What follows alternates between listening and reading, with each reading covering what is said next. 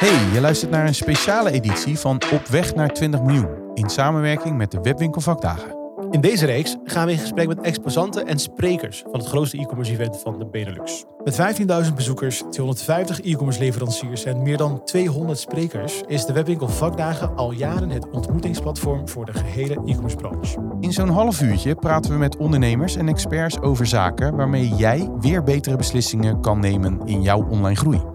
Wij zijn Framework, het e-commerce bureau waarmee webshops van 1 naar 20 miljoen jaar omzet groeien. Wil je weten hoe? Check dan onze website www.framework.nl. Dat is f r m w r k.nl.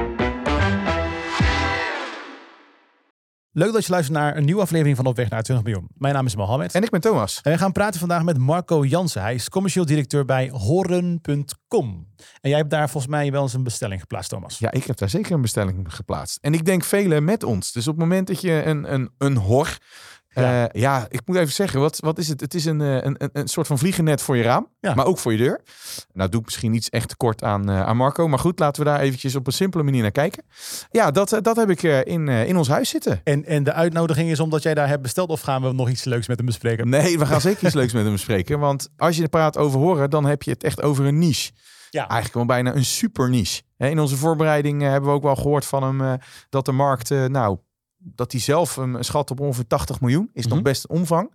Maar natuurlijk vergeleken met alle andere markten waar uh, e-commerce ondernemers in ondernemen, is dat natuurlijk maar een hele kleine markt binnen, binnen Nederland. Ja, klopt. En het is wel leuk om te horen inderdaad de vergelijking tussen enerzijds heel erg groeien met je omzet, zoveel mogelijk marktaandeel en dan daarna proberen je, je, je marges te verhogen. Terwijl Marco eigenlijk zegt van joh, ik heb gewoon mijn super niche.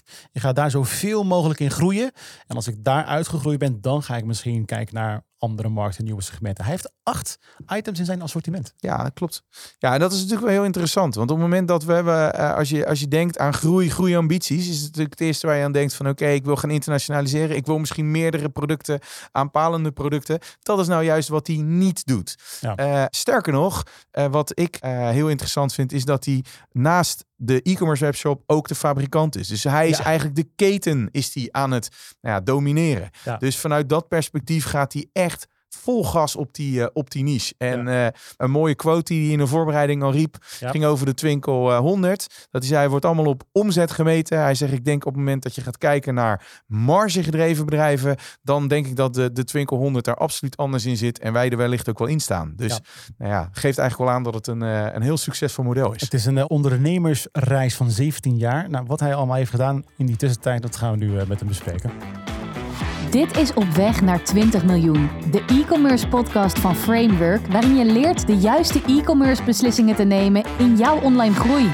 Marco, welkom in de studio. Dankjewel. Vandaag bij Wiggle Vakdagen. Je hebt ook een presentatie straks. Ja, zeker. Nou, dus dat is heel spannend allemaal. We hebben de podcast, de presentatie. Uh, dat gaat over wat? Kun jij jezelf eens introduceren? Ja, ik ben uh, Marco Jansen. Ik ben mede-eigenaar van uh, de webwinkel horren.com. Wij maken uh, maatwerkhorren voor consumenten en ook voor zakelijke klanten. En dat doen we nu al een uh, jaar of 17 en dat gaat uh, hartstikke goed. Er is veel behoefte aan en we groeien lekker. Dus, volgens Echt mij... familiebedrijf ook, hè? Ja, dat is het zeker. Ja, ik ben het niet begonnen. Mijn broer is het begonnen, ja. Erik. Een jaar of 19 geleden, nog niet onder de naam horror.com. Maar hij werkte bij een bedrijf en dat, dat stopte ermee. En um, dat maakte al horror voor voornamelijk zakelijke klanten. En toen dachten van ja, als jullie ermee stoppen, dan uh, ga ik er wel mee verder. Hè? Ja, dus uh, dat is die begonnen. En twee jaar later dacht hij van nou, dat internet, dat lijkt me wel wat. Want het was, eerst allemaal regionaal. Ja. Toen dacht hij van hé, hey, wacht eventjes. En op dat moment was er nog niet één webwinkel in, in horror systemen. Dus kun je nagaan, dat, ja. dat kan je nu niet meer voorstellen. Nu zijn er uh, tientallen. Maar toen was, was er nog niks. En toen dacht hij, hé, hey, dat is een interessant gat waar ik in kan springen. En toen heeft hij mij gevraagd, ik had dus wat uh, hobbymatige websitejes gemaakt. Dus hij dacht, nou, dat kan die wel. Dus dat hebben we dan samen hebben het opgepakt. En toen zijn we in 2007 samen begonnen met die webwinkel. En uh, nog steeds uh, going strong. Ja. Ondanks dat je het met uh, familie doet, hè? want ja. ze zeggen altijd van uh, wees daar ja. voorzichtig mee. Ja, ik, ik herken het. Ik ben zeker uh, helemaal in dezelfde, in dezelfde fase hoor. Mijn, mijn broer is onze kompion, of mijn kompion. En die vraag hoor ik ook vaak van, joh, lukt dat? Maar wij doen het ook al 23 jaar. Dus ja, het onderwerp, 26 jaar moet ik zeggen. Het onderwerp is niet familiebedrijf dynamieken. Het onderwerp wordt wel groeien in een niche-markt ter introductie. En daarin, 17 jaar, jullie zijn 17 jaar lang gegroeid. Alleen uh, inmiddels niet internationaal. En dat is eigenlijk ook het onderwerp van vandaag. Kun je ons eens meenemen in misschien de groei van, nou, pak een beetje uh, afgelopen 10 jaar, 15 jaar. Uh, en aangeven hoe die groei er voor jullie heeft uitgezien. Ja, Um, nou, we zijn wel internationaal. We gaan naar Vlaanderen ook. Hè? Dus dat is, dat is wel, dat is wel over de grens. Hè? Ja, zeker, ja, ja, zeker. Maar inderdaad, je hebt gelijk. Het is niet verder dan Nederland en Vlaanderen. Uh, vanaf het begin aan al niet. Dat heeft uh, sowieso ook wat praktische uh, redenen waarom we dat niet doen. Onder andere dat ramen en deuren, want we, we, maken maatwerkproducten voor ramen en deuren, insectenwering. En in Frankrijk of Duitsland heb je totaal andere ramen. Dus, dan moet je, dus het is ook een heel praktisch verhaal eigenlijk. En, en je zit ook met je logistiek, je zit met je klantenservice. Dus we hebben gezegd, we gaan, we gaan groeien natuurlijk. Want dat, dat wil je als, als webwinkel, dat is, dat is logisch. Stilstand is achteruitgang. En we hebben ervoor gekozen om inderdaad in die, in die niche-markt van Horn, want zo groot is die markt helemaal niet, om daarin proberen zo groot mogelijk te worden. We zijn uh, op dit moment uh, gelukkig nog steeds de grootste online speler en uh, dat willen we ook zo houden. Maar dan moet je wel de diepte in. Je moet je wel jezelf als, ja, zoals ze dat noemen, de superspecialist, de autoriteit op het gebied van horren, moet je jezelf positioneren. En dat proberen we ook. Dus we proberen echt ultiem die, die diepte in te gaan. En dat, ik denk sowieso dat specialisme voor een webwinkel heel verstandig is. Waarom zeg je dat? Nou ja, kijk, als je generalist wordt, daar is zoveel concurrentie en je kan je daar niet meer onderscheiden. Als jij iets uh, gen generisch koopt, dan ga je dus naar bol.com of je gaat dus naar Amazon.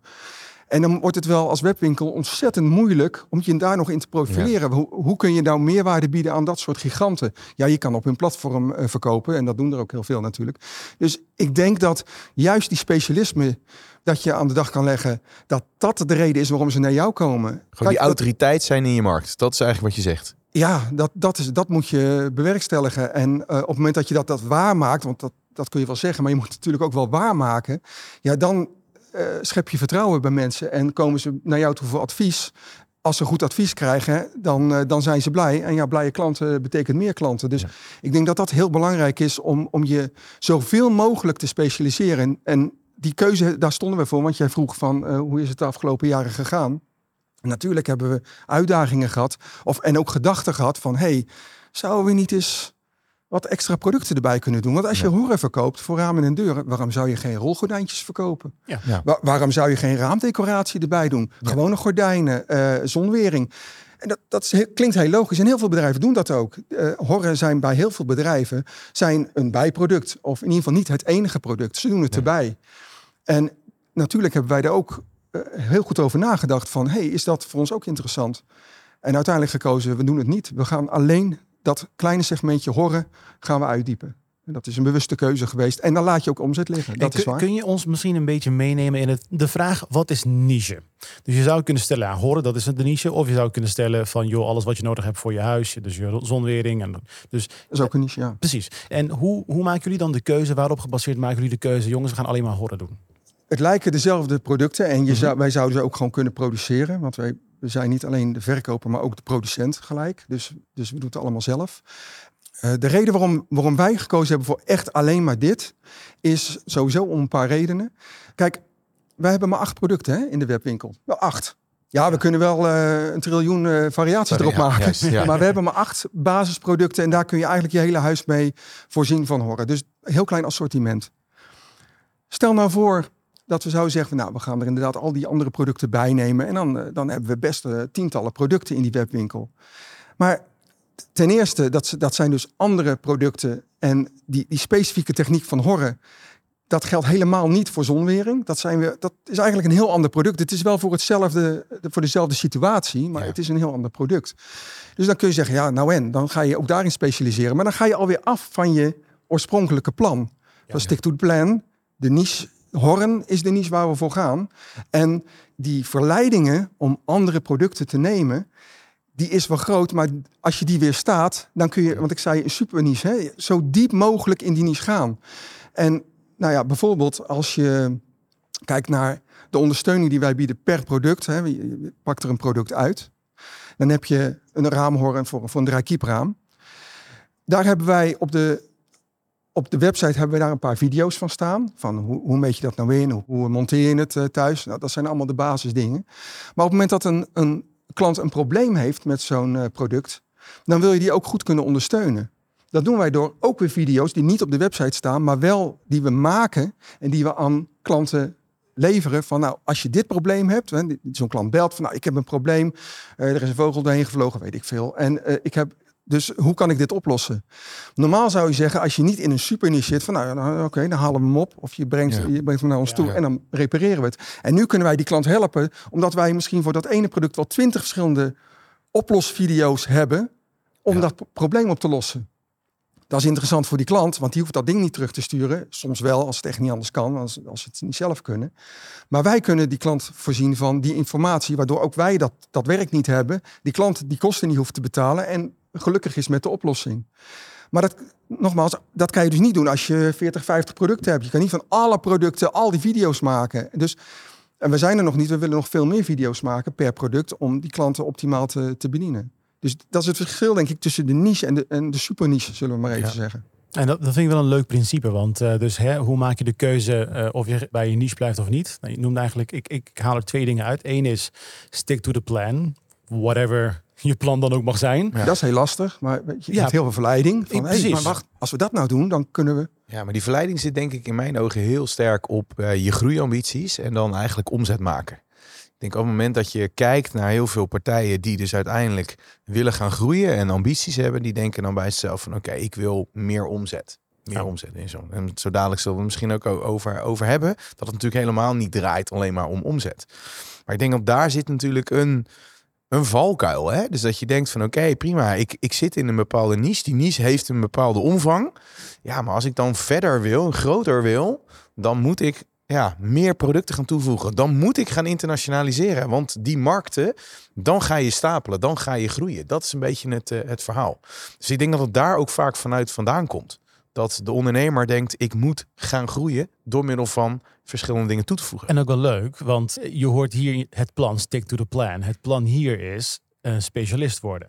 Het plan voor een ander kan zijn omzet, omzet, omzet. Ja. Dus dat is ook een duidelijke keuze in het plan. Dat, dat hoeft ook helemaal niet verkeerd te zijn. Hè? Nee, zeker begrijp niet. verkeerd. Maar ja. in ons geval denken we niet dat het de juiste keuze is. Want omzet, ja, dat is een, ja, dat is een maat die je, die je hebt voor een bepaalde grootte van je bedrijf. Maar dat wil helemaal niks zeggen over de gezondheid van je bedrijf. Nee. Of, dus, dus kijk liever naar van wat hou je onder de streep over. Ja. We zeggen wel eens uh, grappend uh, in ons bedrijf van uh, je hebt de, de Twinkle 100, de top, de top 100 ja. grootste webwinkels, maar dat is gebaseerd op omzet. En dan grappen we altijd van nou, als, als ze dat nou eens op basis van winst zouden doen, zou die top 100 er echt totaal anders uitzien. Dan ja. zou je echt een, een, hele andere lijst krijgen, zouden we denk ik ook wat hoger staan. Ja, nou, we staan er nu niet in, maar misschien zouden we er dan wel in staan, ik weet het niet.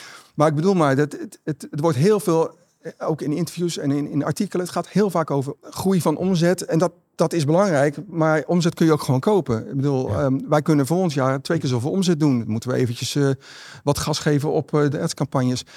Maar dat wil niet zeggen dat je daar vrolijker van wordt. Krijg je nee. wel meer werk, maar of je onder de streep er uh, blij van wordt, dat is natuurlijk maar de vraag. Is het ook een hele bewuste keuze? Hè? Want je noemde het even gewoon terloops. Van we zijn een e-commerce shop, maar we zijn ook fabrikant. Ja. Is dat een hele bewuste keuze geweest in, in jullie strategie?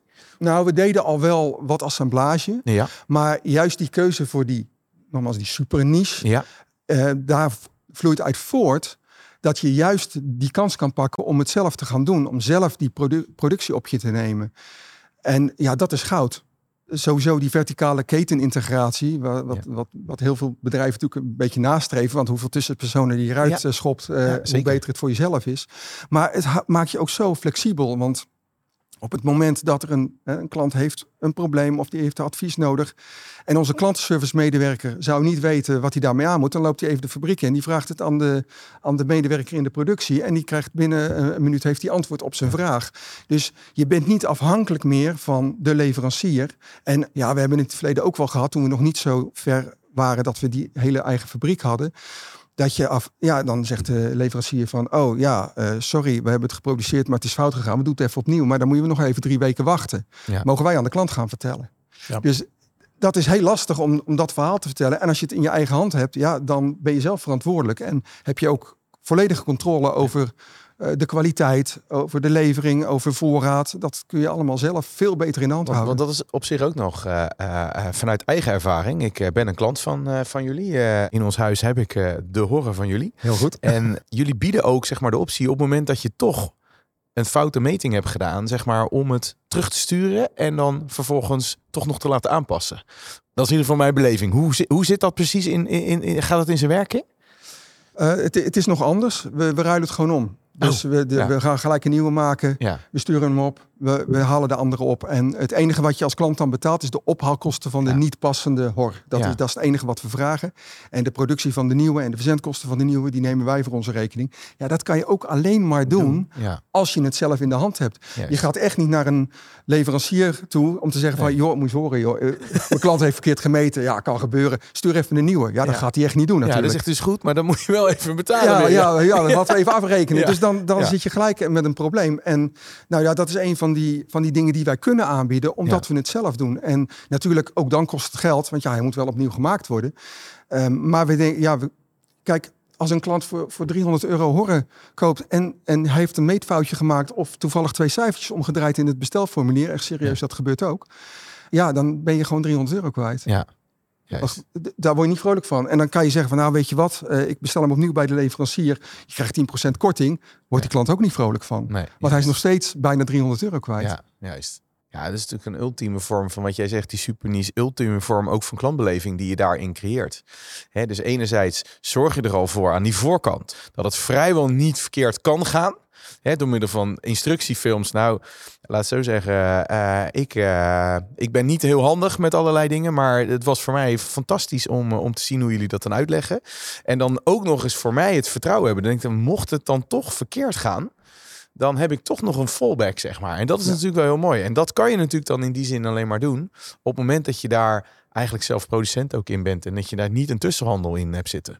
Ja. Dus dat is zeker eh, heel mooi. Maar dan kom je weer terug op die supernis. Dat, dit kan je dus allemaal niet doen als je 50, 60 producten hebt. En dan wordt dat, Ja. nou laat ik het zo zeggen, dan wordt het veel lastiger Ja. om, om, om dat doel te bereiken wat wij voor ogen hebben. En dat is wel e- erg leuk om te horen. Vooral het voorbeeld van inderdaad, eh, we ruilen hem gewoon om en je betaalt alleen maar de ophaalkosten. En dan begrijp ik wel heel goed wanneer je aangeeft, wij gaan gewoon super niche en wij willen er hier gewoon heel goed in specialiseren.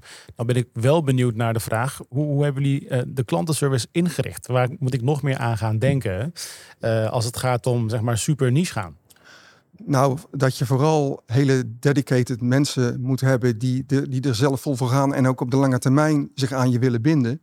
Want als je zoveel kennis wilt, wilt stoppen in je, in je mensen, zal ik maar zeggen, ja, dat duurt wel even. Daar ben je echt wel eh, zo'n twee jaar mee bezig voordat ze alles weten of zo goed als alles weten. Dan is het heel vervelend als ze na drie jaar zeggen, eh, joh, Ja, ik, ben weer, eh, ik ben weer weg. Ja. Dus dat is best wel een investering die we doen elke keer bij als er een eh, nieuw iemand komt werken. Ja, die zal veel moeten, moeten leren, omdat ehm, het zijn niet veel producten, maar het zijn wel heel veel vragen die je per, product ga je wel eh, 400 vragen krijgen. Nou ja, bij wijze van spreken 400 vragen krijgen. Dus ja, ook zij worden getraind. We hebben een intern eh, trainingsprogramma gemaakt om zo, zo snel mogelijk eh, mee te kunnen doen. Maar ja, voordat je alles weet, eh, ben je wel een tijdje verder. Dus ook dat zijn echt specialisten die, die van de hoed en de rand weten. Ja. En, en de klanten ook kunnen helpen. En nogmaals, als ze het niet weten, vragen Steven na. En dan hebben we het antwoord ook zo. Ja, kijk, en dat is natuurlijk wel het, het, het grote voordeel van het moment dat je natuurlijk een beperkt assortiment hebt, waar inderdaad wel je een enorme variëteit in kan creëren, maar met wel een beperkt assortiment, je natuurlijk ultiem eh, autoriteit kan worden op, eh, op dat vlak. En dat is natuurlijk wat je hier ook, eh, ook vertelt. Want het grappige is dat je ook in, je, in onze voorbereiding ook vertelt, jullie hebben ook gewoon creëren een eigen merk. En Ja, vaak wel. eigen merken worden vaak neergezet, zeker als je een meer een warenhuisprincipe hebt, is een eigen merk soort van tussen aanhalingstekens een B-merk. Maar Ja. jullie positioneren het als een premium product. Dus eigenlijk gewoon beter dan. Dat is natuurlijk ook iets heel interessants. Hè? Dus dat je het op een andere manier zelfs laat dan zeg maar de, de producten in, in de bouwmarkten en, en dat soort zaken. Want daar heb je natuurlijk gewoon concurrentie mee. Ehm, ja, dat eigen merk is, eh, is van groot belang, denk ik. Ja, Eh, we hadden het in het begin niet, dat is later gekomen. Omdat we dachten van, ja, nou ja, maakt het uit. Maar dan merk je toch wel dat mensen die, die vraag ook echt stellen. Welk merk hebben jullie? ja. Eh, ja, we hebben geen merk. Ge- geen merk? Ja, ons eigen merk. Oh ja, en dan, dan is het wat jij zegt. Van, oh ja, ja, een soort huismerk. Ja, Ja, ja, net zoals bij de. Albert Heijn. Hè. Het is net Ja. iets goedkoper, maar het kan niet tippen aan het A-merk, Ja, eh, zo gezegd. Ja, dat wil je juist niet. Dus wij hebben in die zin niet echt concurrentie met de bouwmarkt, omdat de bouwmarkt uh, is vooral prijs. Hè, dat moet, dat, ja, als je niet veel te besteden hebt, dan pak je er een uit de bouwmarkt, dan ga je zelf knutselen. Um, ja, dat zijn meer de, de doe-het-zelf pakketten, zeg maar dan. Ja en, en de ervaring is toch, ik weet niet of jullie dat wel eens gedaan hebben. Nou, ik heb het één keer gedaan. Dan ben je drie uur bezig om zo'n hor in elkaar te knutselen. en dan zie je het resultaat, denk je, ja, ja dat is nou net is nou jammer. Nou net, ja, net even jammer. en dan na een jaar denk je, ja, hij werkt eigenlijk niet meer. Dus dat is, dat is ook een keuze. Dus die concurrentie hebben we niet echt. Maar het is wel zo dat we uh, we willen het juist ook in de markt zetten, want die producten zijn ook echt, we zitten in, de, in het hogere segment, die producten moeten ook gewoon echt goed zijn. Um, mensen kunnen op internet niet zien wat de kwaliteit van het product is. Want de een zegt ik heb een hoordeur en de ander zegt ja ik heb ook een hoordeur. Ja hoe kan je nou zien? En ze lijken allemaal op elkaar. Ja. Als consument weet je dat helemaal niet. Dus wij willen elke vorm van discussie daarover vermijden. Later, als de klant de producten heeft. Van ja, is het nou wel topkwaliteit? Ja, dat willen we, maar dat willen we ook uitdragen. Ja, en dan zo'n merk helpt daar enorm bij. Door, te, door dat als premiummerk in de markt te zetten. Ja. En wat je ook heel erg merkt nu is in jouw verhaal is, uh, doordat jullie super niche gaan, ben je onderscheidend en kun je ook die premium prijs vragen. Hoef je niet het spel te spelen van wie heeft de beste prijs. Kun je het spel spelen van, joh, we hebben een hele goede klantenservice, we hebben een hele goede dienstverlening, een goed merk, goed product. En daarom vragen we ook een stuk meer, wellicht. Ja, nou, als je het vergelijkt, kijk, omdat we ook weer een een, een voordeel van uh, de keuze die we hebben gemaakt, is dat omdat we zo gespecialiseerd zijn, zien fabrieken van aluminium zien ons graag komen. Want we nemen nogal wat af. Dan kun je ook die prijs interessant maken qua inkoop. En dan hoef je niet een premiumprijs te vragen. Want uiteindelijk concurreren we wel met de zonweringsspecialist die die horen ook bestelt. En dat, over het algemeen dat zijn dat ook, uh, de, de, de, het, is dat ook het hogere segment. Dus wij kunnen op die manier ook weer concurreren door juist die prijs iets lager te houden. Toch goede, goede marges te houden. Maar ja. Uh, ja, ons zo te positioneren dat we zijn geen bouwmarktkwaliteit. We zijn het topsegment uh, bieden we aan. Maar wel voor een tegen prijs. een scherpe prijs. Tegen een scherpe prijs. Ja, dus, dus dat is een, denken wij een hele goede positionering. Dus hè, ik wil groeien met mijn bedrijf. Een van de eerste dingen waar je aan kunt denken is de grens overgaan. Stel nou dat je inderdaad denkt van joh, nee, we gaan echt eerst even goed de diepte in. Wat zijn dan zaken waar je aan kunt denken? Wellicht dingen die jullie al hebben gepasseerd. Wat is zeg maar de, de groeistap voor iemand die niet per se denkt aan de omzetcijfer, maar vooral aan groeien in marge, groeien in merk. Waar ga je aan sleutelen? Uh, nou ja, we sleutelen sowieso aan de, aan de prijs, aan de inkoopkant. Hè, wat ik zeg, dat, dat is ook al, ja, fabrieken zien je graag komen met dit soort aantallen. En dan kunnen ze ook een, een, een, leuke prijs neerleggen. Dus daar profiteren we dan natuurlijk uh, van. Maar denk bijvoorbeeld ook, we zijn nu toevallig uh, gestart. We zijn nu in de testfase met een, een eigen spuiterij te openen. Dus we hebben standaard kleuren, maar we hebben ook niet standaard kleuren. En er worden heel veel, zeker in België, mensen in Nederland die kiezen vaak standaard, maar zeker in België wordt er vaak niet standaard kleur gekozen. En wat je dan moet doen, dat moet je weer uitbesteden. Dan moet je naar een, naar een extern spuitbedrijf. Weet je ook niet wat de kwaliteit is. Je betaalt er best wel veel voor, want één horretje uh, koten, dat is vrij prijzig. Want je hebt, je hebt altijd die opstartkosten. Zijn het er nou 40, 50, dan is het een ander verhaal. Dus we dachten van, nou ja, precies zo. Van, hey, hoe kunnen we daar ook weer uh, voordeel uithalen. Nou ja, door in ieder geval een eerste een investering te doen, want het is niet goedkoop, uh, kan ik je zeggen. het is ook niet dat je op korte termijn uh, iets wil besparen, maar uiteindelijk zal het, zal het goedkoper worden om het zelf te doen. Maar vooral, je hebt het in de hand. Je, je bent niet afhankelijk van externe kwaliteit. Je kan zelf testen, je kan zelf opnieuw doen als het niet goed gaat. Je hebt geen lever, leververtraging vanuit de fabrikant. Dus ook hier weer eigenlijk hetzelfde verhaal. Van zelf in de hand houden, zelf de controle houden en zorgen dat die klant zo snel mogelijk geholpen wordt. Want we gaan die leeftijden op niet-standaard kleuren gaan we ook verlagen nu, omdat we het zelf kunnen. En voorheen moesten we altijd de marge inbouwen van, nou, het, het, is naar de, naar de spuiterij toe. Ja, ze zeggen dat ze er drie weken over doen, maar laten we maar zeggen vijf. Dan zijn, we, zijn we zeker van ons zaak. Ja, nu hoeven we daar, zo, daar allemaal geen rekening meer mee te houden. Dus ook daarin uh, uh, ja, proberen we het allemaal naar ons toe te trekken eigenlijk. Is, is uitbesteden een, een vloekwoord?